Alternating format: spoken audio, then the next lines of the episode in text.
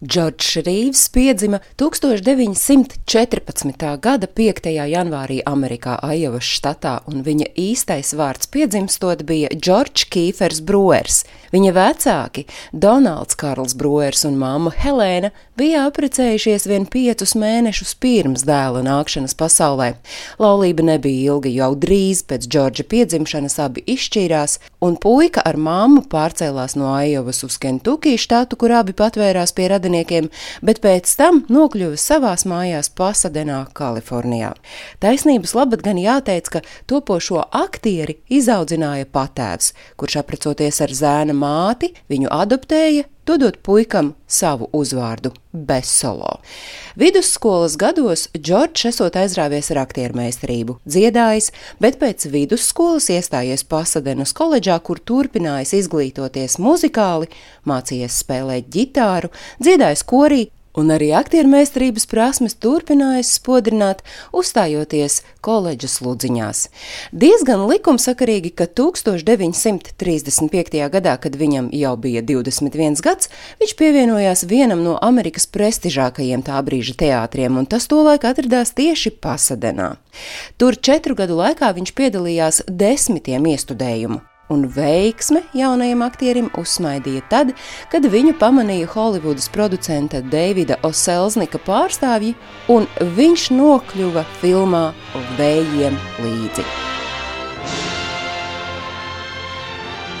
Tur viņš spēlēja Stuartu Tarltonu. Viņam bija iespēja filmēties kopā ar zvaigznēm Vivienu Lī un Klārku Geiblu. Un šī debija rezultējās ar līgumu, ko viņš noslēdza ar filmu studiju Warner Bros. Un tieši tur viņam ieteica pieņemt skatuves vārdu Rīvs. Pēc vējiem līdzi sekoja lielākas un mazākas, veiksmīgākas un netik ļoti lomas gan kino, gan Broadwayā. Otrā pasaules kara laikā Rīvs pievienojās Amerikas gaisa karaspēka teātra trupai un tur diezgan veiksmīgi sevi pierādīja kā aktieris. Bet karam beidzoties, atgriezies Kalifornijā, viņš bija lemts mazām un necelām lomām nepārāk veiksmīgās filmās. Sapratis, ka kino pasaulē veiksme viņam vairs neuzsmaida, viņš sāka lūkoties televīzijas virzienā. Un 1951. gadā diezgan negribīgi gan pieņēma piedāvājumu titulu lomai seriālā Supermena piedzīvojumi. Supermena pirmizrāde guva gan skatītāju novērtējumu, un arī kritiķi bija tai vēlīgi. Rīvs ātri vien kļuva par pirmā mēroga zvaigzni. Džordžs Rīvs bija pirmais aktieris, kurš atveidoja Supermenu. Šī loma viņu cēla un arī gremdēja vienlaikus. Tā ļāva Rīvsam kļūt par skatītāju, un jo īpaši gados jaunu skatītāju iemīlētu varoni teju visā pasaulē, un ik viens viņu mīlēja kā supermenu, izņemot viņu pašu. Viņš ar šo lomu nesot lepojies. Tas iespējams pirmkārt, ka seriāls bija ļoti lēts.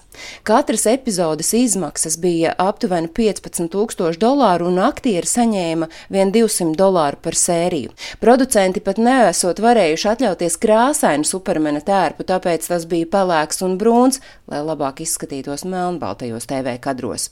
Rīvs pats esot to nosaucis par mērkaķa ietērpu. Otrakārt, seriāla sponsori bija brokastu pārslu ražotāji, kas nozīmē, ka aktieriem bija jāpiedalās visai muļķīgās brokastu pārslu reklāmās.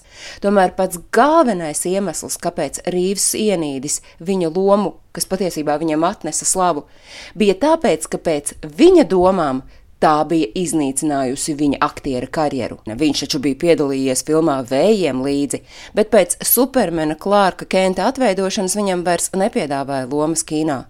Vēlāk gan viņš ieguva lomu filmā From Here to Eternity no šejienes līdz bezgalībai, un tā bija 1954. gada Oskara balvas ieguvēja. Bet filmu skatītāji esot izsmējuši. Ik reiz, kad uz ekrāna parādījās Rīvs, skatītāji esot saukuši: O, redz, kur supermens! Šī iemesla dēļ producenti beigās izgriezuši daudzas viņa ainas, un tā beigu beigās arī kļuva par Džordža Rīvsa pēdējo kino lomu. Seriālu Supermens arī pārtrauca filmēt, un tas notika 1957. gadā. Līdz ar seriāla beigšanos aktieri piemeklēja arī virkne neveiksmju mīlas laukā, un rezultātā viņu 1959. gada jūnijā atradu savā Beverlyhilzas mājas guļamistabā ar cauršautu galvu.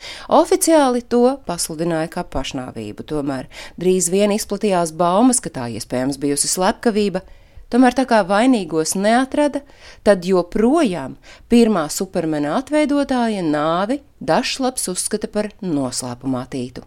Stāstīja Agnese Drunka.